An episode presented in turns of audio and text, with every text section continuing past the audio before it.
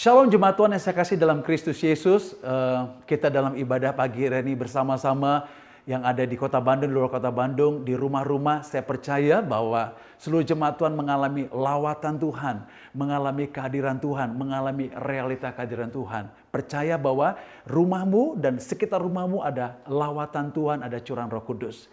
Dan sebelum kita memulai pemberitaan firman Tuhan, mari kita berdoa bersama-sama minta pertolongan Roh Kudus supaya dia memberikan hikmat pengertian kepada kita. Dan saya percaya bahwa semuanya pasti kita akan diberkati oleh Tuhan dari kebenaran firman-Nya. Mari kita berdoa bersama-sama. Bapak Sorgawi, terima kasih buat pagi hari ini. Tuhan hadir di tengah-tengah kami dan Engkau bersemayam di atas puji-pujian umatmu Tuhan. Oleh karena itu kami membiarkan kuasa roh kudusmu dan kuasa firmanmu bekerja di tengah-tengah kami kami menyembuhkan dan memulihkan, membangkitkan setiap kami sehingga selesai ibadah ini Tuhan, kami sungguh-sungguh mengalami kuasa Tuhan yang tidak terbatas, kuasa firman, kuasa rohmu yang tidak terbatas, kami alami, kami nikmati, bahkan kami membawa kemuliaanmu. Urapi hambamu, urapi setiap kami yang mendengarkannya. Dalam nama Tuhan Yesus terima kasih. Mari kita katakan bersama-sama, amin. Selamat pagi Bapak Ibu Saudara sekalian yang saya kasih dalam Kristus Yesus. Kita memasuki bulan April dan saya percaya sekali bukan hanya di ibadah kita, tapi di mana-mana nama Yesus diberitakan akan kematiannya dan kebangkitannya. Di mana-mana diberitakan. Dan saya percaya juga bukan hanya kita mendengar, tapi seluruh jemaat Tuhan mengalami kuasa kematian Yesus dan kuasa kebangkitan Tuhan Yesus Kristus. Sehingga saya percaya bahwa sepanjang bulan April kita mengalami mukjizat kematian Yesus dan kebangkitan Yesus. Ada banyak jemaat Tuhan yang disembuhkan, ada banyak jemaat Tuhan yang dibangkitkan dan dipulihkan, ada banyak rumah tangga-rumah tangga dipulihkan, ada banyak kekuatan baru. Kita sudah berdoa, kita sudah mendengarkan firman Tuhan. Dan saya percaya kuasa firman dan kuasa roh sedang bekerja di antara kita sepanjang bulan April ini. Dan di penghujung bulan April ini, karena kita sudah belajar bersama-sama tentang kematian dan kebangkitan Yesus, yang paling penting adalah saya ingin sampaikan minggu terakhir dari bulan April ini, yaitu kita harus menceritakan akan kematian dan kebangkitan Tuhan Yesus. Sekali lagi ulangi kata-kata saya. Kita bersama-sama harus menceritakan akan kematian dan kebangkitan Tuhan Yesus. Karena karena karena Injil itu penuh kuasa saudara sekalian. Dan kita tidak bisa berdiam diri terhadap Injil itu. Kita harus memberitakan dan memberitakan dan menyatakan kuasa Injil. Satu firman Tuhan nasihat daripada Paulus kepada jemaat Korintus. Kita lihat dari uh, eh, 1 Korintus pasal yang ke-15 ayat yang ketiga dan keempat. Sebab yang sangat penting telah kusampaikan kepadamu, yaitu apa yang telah kuterima sendiri, yaitu ialah bahwa Kristus telah mati karena dosa-dosa kita sesuai dengan kitab suci. Bahwa ia telah dikuburkan dan bahwa ia telah dibangkitkan pada hari yang ketiga sesuai dengan kitab suci. Paulus menceritakan kepada jemaat Korintus bahwa Yesus sudah mati buat mereka dan tidak hanya mati, tapi Yesus juga sudah bangkit atas hidup mereka. Sehingga mereka tidak perlu dikuasai oleh dosa. Tapi mereka hidup bagi kebenaran firman Tuhan. Dan tentang Yesus mati dan sudah bangkit, itulah Injil. Itu sebabnya di ayat yang pertama dari kedua, dia kata demikian.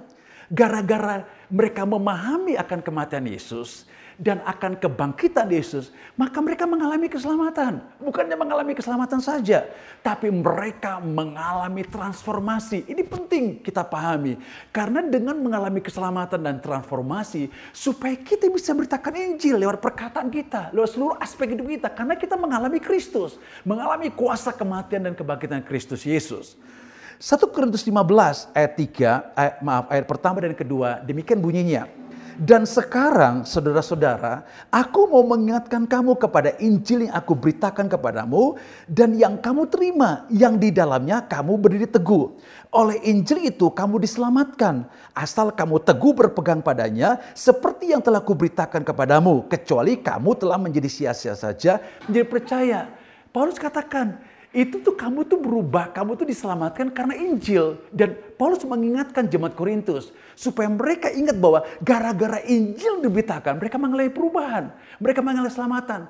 yang luar biasa, dahsyat, yang sangat keren sekali menurut saya saudaraku sekalian. Mereka bukan hanya mengalami Injil keselamatan, tapi mereka mengalami perubahan. Mereka mengalami transformasi. Ada banyak orang hanya dia percaya Yesus menyelamatkan dia, tapi ada banyak aspek hidupnya tidak mengalami perubahan seluruh skala. Sehingga orang tidak bisa melihat cahaya kemuliaan Tuhan. Bukan kata firman Tuhan mengatakan bahwa kita bukan diselamatkan, tapi kita pada akhirnya akan mengalami kepenuhan Kristus Yesus. Itu yang keren, yang luar biasa. Dan Tuhan sedang membangkitkan gerejanya mengalami menikmati yang namanya kuasa kepenuhan Kristus Yesus. Dan saya percaya firman Tuhan dan kuasa roh kudus sedang membawa kita ke arah sana. Oleh karena itu saudaraku sekalian, apa buktinya bahwa jemaat Korintus mengalami perubahan? Mari kita lihat dari 1 Korintus pasal yang pertama, ayat yang ke-23 ya, ayat 23 sampai ayat 30. Demikian firman Tuhan. Ayat 23 sampai ayat 30. Demikian firman Tuhan. Tetapi kami memberitakan Kristus yang disalibkan untuk orang-orang Yahudi suatu batu sandungan dan untuk orang-orang bukan Yahudi satu kebodohan. Tetapi untuk mereka yang dipanggil baik orang Yahudi maupun bukan Yahudi, Kristus adalah kekuatan Allah dan hikmat Allah. Sebab yang bodoh dari Allah lebih besar hikmahnya daripada manusia dan yang lemah dari dari Allah lebih kuat daripada manusia. Ingat saja saudara-saudara, bagaimana keadaan kamu ketika kamu dipanggil. Menurut ukuran manusia tidak banyak orang bijak, tidak banyak orang yang berpengaruh, tidak banyak orang yang terpandang. Tetapi apa yang bodoh bagi dunia dipilih Allah untuk memalukan orang-orang yang berhikmat. Dan apa yang lemah bagi dunia dipilih Allah untuk memalukan apa yang kuat. Dan apa yang tidak terpandang dan yang hina bagi dunia dipilih Allah, bahkan apa yang tidak berarti dipilih Allah untuk meniadakan apa yang berarti. Supaya jangan ada seorang manusia pun yang memegahkan diri di hadapan Allah. Tetapi oleh dia kamu berada dalam Kristus Yesus yang oleh Allah telah menjadi hikmat bagi kita. Yang membenarkan dan menguduskan dan menebus kita Bapak Ibu Saudara sekalian yang saya kasih dalam Kristus Yesus seluruh jemaat di mana kamu berada. Alkitab katakan jemaat Korintus mengalami transformasi. Mengalami perubahan yang luar biasa sekali. Apa maksud tadi pada Tuhan? Apa maksud Paulus mengajarkan ini? Supaya jemaat Korintus boleh memberitakan Injil kerajaan lewat apa yang mereka katakan dan lewat seluruh kehidupan mereka yang mereka alami suku sekalian. Sehingga di ayat 26 dikatakan, ingat saja saudara-saudara bagaimana keadaan kamu ketika kamu dipanggil. Ketika kamu dipanggil, menurut ukuran manusia tidak banyak orang yang bijak. Tidak banyak orang berpengaruh, tidak banyak orang terpandang. Dan Paulus katakan, pertama kali kalian ikut Tuhan, nggak ada yang bijak tuh. Yang kedua, bukan tidak bijak. Mereka tidak yang terpandang. Bukan tidak terpandang. Mereka juga tidak berpengaruh. Artinya, mereka orang biasa seluruh sekalian. No impact. Tidak bisa mengubah kota. Tidak bisa mengubah banyak orang lain. Karena kenapa? Keadaan mereka belum mengenal Tuhan. Tapi ketika mereka diselamatkan, menerima Injil keselamatan dan mengalami Injil kerajaan Allah, mereka mengalami transformasi. Mereka menjadi orang terpandang. Mereka menjadi orang bijak. Mereka menjadi orang yang berpengaruh bagi banyak orang lain. Dahsyat luar biasa. Nah, itulah yang Tuhan inginkan pada hari terakhir buat gerejanya seluruh sekalian. Mungkin hari ini kita sedang melihat bagaimana keadaan gereja Tuhan pada hari-hari terakhir. Tapi jangan kita bimbang dan ragu. Jangan kita menjadi kecewa. Jangan kita takut. Firman Allah segera akan digenapi. Nah tujuannya apa saudara sekalian? Juga jemaat Tuhan baik di kota Bandung, di luar kota Bandung. Apa tujuannya? Tujuannya adalah karena Yesus memberikan perintah kepada murid-muridnya demikian rupa. Saya membacakan dari uh, dari uh, Markus pasal yang ke-16 ayat yang ke Ayat 15. Lalu ia berkata kepada mereka, pergilah ke seluruh dunia, beritakanlah Injil kepada segala makhluk. Siapa yang percaya dan dibaptis akan diselamatkan. Tetapi siapa yang tidak percaya akan dihukum. Itu sebab Yesus bilang begini, pergilah ke seluruh makhluk. Pergilah, beritakanlah Injil ke seluruh makhluk. Karena memang hanya Injil bisa mengubahkan orang. Hanya Injil yang bisa menjamin keselamatan orang.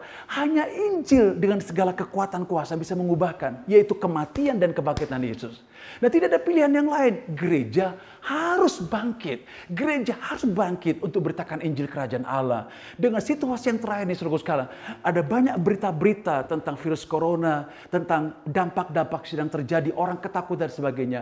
Tidak ada jalan yang lain seluruh sekalian. Tidak ada pertolongan di dari jalan-jalan yang lain, kecuali bahwa berita kabar baik tentang Yesus sudah mati, berita kabar baik bahwa Yesus sudah bangkit, itu diceritakan saudara sekalian. Tapi nggak mungkin kita ceritakan kalau kita tidak mengalami kuasa Injil. Nah kita perlu mengalami kuasa Injil yang dahsyat luar, biasa. Nah mengapa Injil harus diberitakan saudara sekalian? Pertanyaan kenapa kenapa Injil itu diberitakan saudara? Terlalu banyak orang memberitakan pribadi mereka. Terlalu banyak orang menceritakan tentang keadaan mereka. Atau kita menceritakan keadaan orang lain. Tapi di saatnya kita bangkit untuk menceritakan kuasa kematian dan kebangkitan Tuhan Yesus Kristus.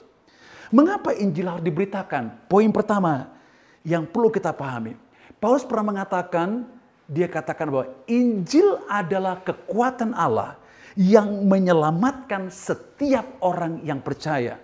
Roma Roma 1 ayat 16 17 Paulus katakan, sebab aku punya keyakinan bahwa Injil adalah kekuatan Allah, bukan kekuatan manusia, bukan kekuatan orang, tetapi kekuatan Allah yang menyelamatkan setiap orang yang percaya yang membuat orang mempunyai iman dan memimpin orang kepada iman kebenaran itu suku sekalian. Artinya begini, dia bukannya percaya kepada Yesus, tapi dia bisa membuat perkara besar. Iman bukannya percaya kepada Yesus saja, tapi iman memindahkan gunung suku sekalian. Saudara perhatikan dalam Ibrani pasal 11, tokoh-tokoh iman, mereka boleh menyerahkan diri kepada Tuhan, mereka menderita, mereka berkemenangan. Apa mereka hebat dan kaya? Tidak. Tapi karena mereka memiliki Injil yang ada kekuatan Allah, yang mengubah banyak orang dan mengubah mereka. Sehingga mereka habis-habisan ikut Tuhan. Mereka sangat mencintai Tuhan. Mereka gila benar dengan Tuhan Yesus. Kenapa? Karena mereka punya iman kepada Yesus Kristus. Sehingga kenapa kita beritakan Injil? Karena Injil adalah kekuatan Allah yang menyelamatkan setiap orang yang percaya. Bukan kekuatan manusia. Tidak ada jaminan kita masuk surga. Tidak ada jaminan kita kekayaan. Eh, apa pun yang kita miliki tidak punya jaminan bagi kita masuk surga. Apa pun kekayaan kita, kehebatan kita, tidak bisa tidak bisa menjamin kita masuk kepada surga dan mengalami kelepasan daripada kuasa dosa.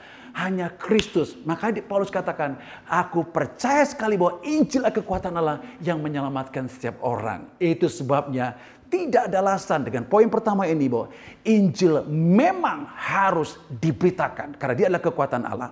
Poin yang kedua, maksudnya kekuatan Allah itu, maksudnya kekuatan Allah adalah bahwa ke, jadi hanya Allah yang bisa melepaskan orang kutuk. Hanya Allah bisa melepaskan dari kuasa dosa. Hanya Allah dengan kuasa bisa menyembuhkan orang yang sakit. Hanya Allah yang bisa membuat orang yang miskin menjadi kaya. Hanya Allah yang membuat orang yang bisa berkemenangan atas kuasa setan. Makanya Paulus katakan, aku yakin sekali Injil adalah kekuatan Allah. Sekali lagi katakan bersama-sama saya dengan suara yang lantang. Katakan, Injil adalah kekuatan Allah. Sekali lagi katakan bersama-sama saya. Injil kekuatan Allah. Sekali lagi. Injil adalah kekuatan Allah. Nah, poin yang kedua, mengapa kita menciptakan Injil? Karena Tuhan ingin apa yang kita alami bersama dengan Dia, apa yang kita nikmati bersama dengan Dia, apa yang kita kebersatuan kita dengan Dia, tidak ada alasan bagi kita untuk tidak menceritakannya. Saya akan jelaskan dari 1 Yohanes 1 Yohanes pasal yang pertama sampai ayat yang ketiga tentang Rasul Yohanes di Pulau Patmos. Apa yang telah sejak semula, yang telah kami dengar, dan yang telah kami lihat dengan mata kami, dan yang telah kami saksikan, dan yang telah kami raba dengan tangan kami tentang firman hidup, itulah kami tuliskan kepada kamu. Hidup itu telah dinyatakan dan kami telah melihatnya. Dan sekarang kami bersaksi dan memberitakan kepada kamu tentang hidup kekal yang ada bersama-sama dengan Bapa dan yang telah dinyatakan kepada kami. Apa yang telah kami lihat dan yang telah kami dengar itu, kami beritakan kepada kamu juga. Supaya kamu pun beroleh persekutuan dengan kami. Dan persekutuan kami adalah persekutuan dengan Bapa dan dengan anaknya Yesus Kristus. Rasul Yohanes mengatakan, apa yang aku dengar, apa yang aku raba, apa yang aku pegang, apa yang aku rasakan tentang firman hidup itu, itulah yang aku sampaikan kepada kamu. Itu keren luar biasa. Jadi Yohanes adalah murid yang dikasih oleh Tuhan Yesus. Jadi dia berbarengan dengan Yesus, dia mengalami kasih Yesus, mengalami kuasa Yesus. Dia bilang ini, aku bukan hanya dengar saja, aku juga pegang, bukan aku pegang, aku raba juga, bukan aku raba, tapi aku saksikan. Dia bilang, apa yang aku dengar, aku raba, aku saksikan, itu yang aku ceritakan kepada kamu. Loh, kok bisa? Kok bisa? Karena dia mengatakan, aku bisa pegang firman hidup, hidup itu, aku mengalami hidup kekal itu karena aku mengalami persekutuan dengan Kristus. Persekutuan apa? Persekutuan bahwa Yohanes menjadi satu dengan kematian Yesus, Yohanes menjadi satu dengan kebangkitan Yesus. Sehingga dia bukan dengar dari orang lain tentang Injil, tapi dia mengalami kuasa Injil. Sehingga dia katakan, apa yang kulihat, apa yang kusaksikan, apa yang kuraba, itu yang kuberitakan kepada kamu. Dan aku tidak dapatkan dari orang lain, aku mendapatkan ketika aku bersekutu dengan Tuhan. Dan Yohanes rindu sekali seluruh jemaat Tuhan mengalami yang namanya kuasa transformasi dari pekerjaan Injil Kristus Yesus yang dia terima. Dan Tuhan ingin sekali. Kenapa kita harus beritakan Injil? Karena engkau dan saya telah mengalami telah mengalami, bukan akan mengalami, telah mengalami kuasa Injil itu. Tetapi nggak cukup sampai situ, Tuhan akan membawa perubahan kepada kita. From glory to glory and the last to be like Jesus. Mungkin hari ini keberadaanmu, kau sudah yakin diampun dosamu. Tapi perubahan itu belum nyata. Engkau masih bergumul dengan persoalan pribadimu. Engkau masih bergumul dengan emosimu, perasaan dan pikiranmu kau jatuh bangun dalam dosa. But next time, saya percaya, Tuhan sedang membawa engkau kepada kebenaran yang sejati. Bahwa engkau akan meraba, memegang dan memeluk firman itu dan kau mengalami. Sehingga kau bisa menyaksikan kepada banyak orang lain. Apa yang ku dengar, apa yang ku alami dengan Kristus. Sehingga keadaanmu yang terpuruk hari ini, keadaanmu yang kau rasakan tidak mungkin, itu segera akan berubah. Yang penting engkau percaya bahwa ada kuasa transformasi daripada pekerjaan kematian dan kebangkitan Tuhan Yesus Kristus.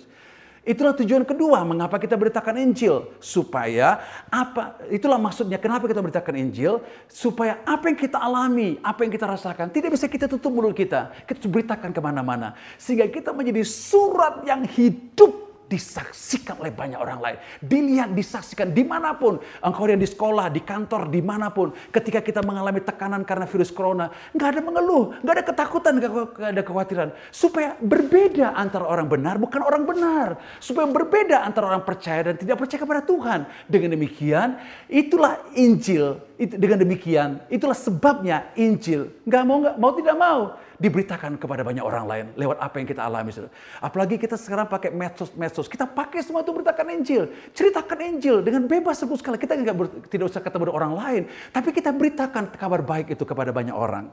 Demikian yang Tuhan inginkan. Nah, poin lanjut, poin lanjut, kenapa Injil diberitakan? Karena Yesus katakan dengan tegas sekali. Satu firman Tuhan saya katakan dari uh, kisah Rasul 4 ayat 12. Dan keselamatan tidak ada di dalam siapa pun juga selain di dalam dia Sebab di bawah kolong langit ini tidak ada nama lain yang diberikan kepada manusia yang olehnya kita dapat diselamatkan. Kisah 4 ayat 12 mengatakan bahwa keselamatan di bawah kolong langit ini tidak ada lagi di tempat yang lain kecuali melalui Yesus Kristus. Itu sebabnya Injil harus diberitakan dan Yohanes 14 ayat 6 mengatakan dengan tegas bahwa dikatakan bahwa tidak ada satu orang pun yang datang kepada Bapa tanpa melalui Yesus Kristus. Yesus dengan tegas mengatakan demikian. Itu sebabnya dengan poin ketiga ini Alkitab mau katakan, Tuhan mau bicara kepada kita bahwa Injil harus diberitakan dan tidak ada keselamatan di tempat yang lain pada orang lain hanya melalui Yesus Kristus. Nah, poin keempat, Firman Tuhan katakan bahwa kenapa ini diberitakan? Karena setiap lutut akan bertelut, setiap lidah akan mengaku Yesus Kristus Tuhan dan Raja. Ketika gereja tidak bangkit itu bersaksi, Roh Kudus akan bersaksi dengan kuasa Tuhan. Tapi sangat tidak enak kalau Roh Kudus bersaksi kita bersaksi. Justru Roh Kudus diberikan pada kita supaya kita pergi untuk bersaksi. Dan Alkitab katakan, setiap lutut akan bertelut, setiap lidah akan mengaku. Sekeras apa pun orang, setidak percaya gimana pun orang, karena manusia adalah ciptaan Tuhan. Saya percaya pada masanya, pada waktunya hujan akhir terjadi di mana orang-orang akan berbondong-bondong percaya kepada Tuhan. Karena Tuhan menciptakan manusia, dia pasti bertanggung jawab. Dia ingin menyelamatkan banyak orang lain. Itu soal dikatakan bahwa setiap lutut akan bertelut, setiap lidah akan mengaku Yesus Kristus adalah Tuhan. Kita lihat dari Filipi pasal yang Filipi pasal yang kedua, ayat yang ke-9 sampai yang ke-11. Demikian firman Tuhan. Itulah sebabnya Allah sangat meninggikan dia dan mengeruniakan kepadanya nama di atas segala nama. Supaya dalam nama Yesus bertekuk lutut segala yang ada di langit. Dan yang di atas bumi dan ada di bawah bumi. Dan segala lidah mengaku Yesus Kristus adalah Tuhan bagi kemuliaan Allah. Jadi poin keempat bahwa tidak ada alasan bagi kita Injil. Karena pada masanya, pada waktunya, setiap lutut akan bertelut, setiap lidah akan mengaku bahwa Yesus Kristus Tuhan. Katakan bersama-sama dengan saya, setiap lutut akan bertelut, setiap lidah akan mengaku bahwa Yesus Kristus Tuhan dan Raja. Haleluya, luar biasa Allah kita. Dan itu bukan saya mengatakan kebenaran firman Tuhan. Kita berbicara kepada kebenaran firman Tuhan bahwa apa yang Tuhan katakan, ya dan amin. Dan itu segera terjadi dan akan terjadi. Kalau kalau gitu, apa yang Tuhan mau buat kita? Injil harus diberitakan. Tetapi seluruh sekalian, ketika Injil diberitakan, Tuhan tidak membiarkan kita sendiri. Di dalam eh, Yohanes, uh, di Injil Yohanes, ketika Yesus berjumpa dengan murid-muridnya ketika dia dibangkitkan, dia mengatakan dengan luar biasa di ayat ini seluruh sekalian. Uh, dia, kita buka firman Tuhan dari Yohanes pasal 20. Yohanes pasal 20 ayat yang ke-21. Demikian firman Tuhan. Maka kata Yesus sekali lagi, damai sejahtera bagimu, sama seperti Bapa mengutus aku, demikian juga sekarang aku mengutus kamu. Ayat 22 dari Yohanes pasal 20. Dan sesudah berkata demikian, ia menghambusi mereka dan berkata, terimalah roh kudus. Wih ini keren luar biasa.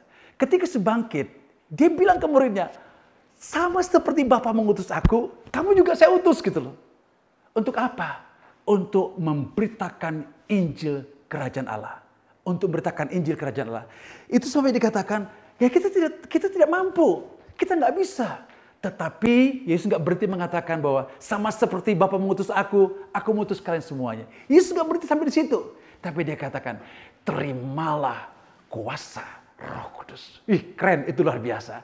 Bapak Ibu suruh sekalian jemaat di mana pun kau berada, jangan kau takut. Kita tidak sedang memberitakan diri kita. Kita tidak memberitakan pengalaman kita. Kita tidak memberitakan tentang orang lain. Kita sedang menciptakan satu nama di atas segala, satu nama di atas segala nama dan nama itu diberitakan. Itu sebabnya Yesus berkata, mari kita lihat firman Tuhan dari Lukas dari dari dari uh, perjanjian barunya Lukas pasal 4 ayat 18, perjanjian lamanya dari uh, Ya, Yesaya pasal 61 ayat pertama sampai ayat yang ketiga. Demikian firman Tuhan. Roh Tuhan Allah ada padaku oleh karena Tuhan telah mengurapi aku. Ia telah mengutus aku untuk menyampaikan kabar baik kepada orang-orang sengsara dan merawat orang-orang remuk hati untuk memberitakan pembebasan kepada orang-orang tawanan dan kepada orang-orang terkurung kelepasan dari penjara. Untuk memberitakan tahun rahmat Tuhan dan hari pembalasan Allah kita untuk menghibur semua orang yang berkabung. Untuk mengaruniakan kepada mereka perhiasan kepala ganti abu, minyak untuk pesta ganti kain kabung, nyanyian puji-pujian ganti semangat yang pudar, supaya orang menyebutkan mereka pohon tarbartin kebenaran, tanaman Tuhan untuk memperlihatkan keagungannya. Yesus mengatakan dalam perjanjian lama, Nubuatan Yesaya mengatakan, roh Tuhan Allah ada, padaku. Yesaya sedang berbicara tentang Yesus bagaimana Yesus diurapi untuk menyampaikan kabar baik. Yesus ulangi kembali dalam Lukas pasal 4 ayat 7 ayat 18 dikatakan, "Roh Tuhan Allah ada padaku. Dia telah mengurapi aku untuk apa? Untuk menyampaikan kabar baik." Dan Yesus katakan, tanpa pengurapan tidak ada keberanian, tanpa pengurapan tidak ada kemampuan, tanpa urapan tidak ada kita punya hikmat. Itu sebabnya dia memberikan roh kudus kepada engkau dan saya.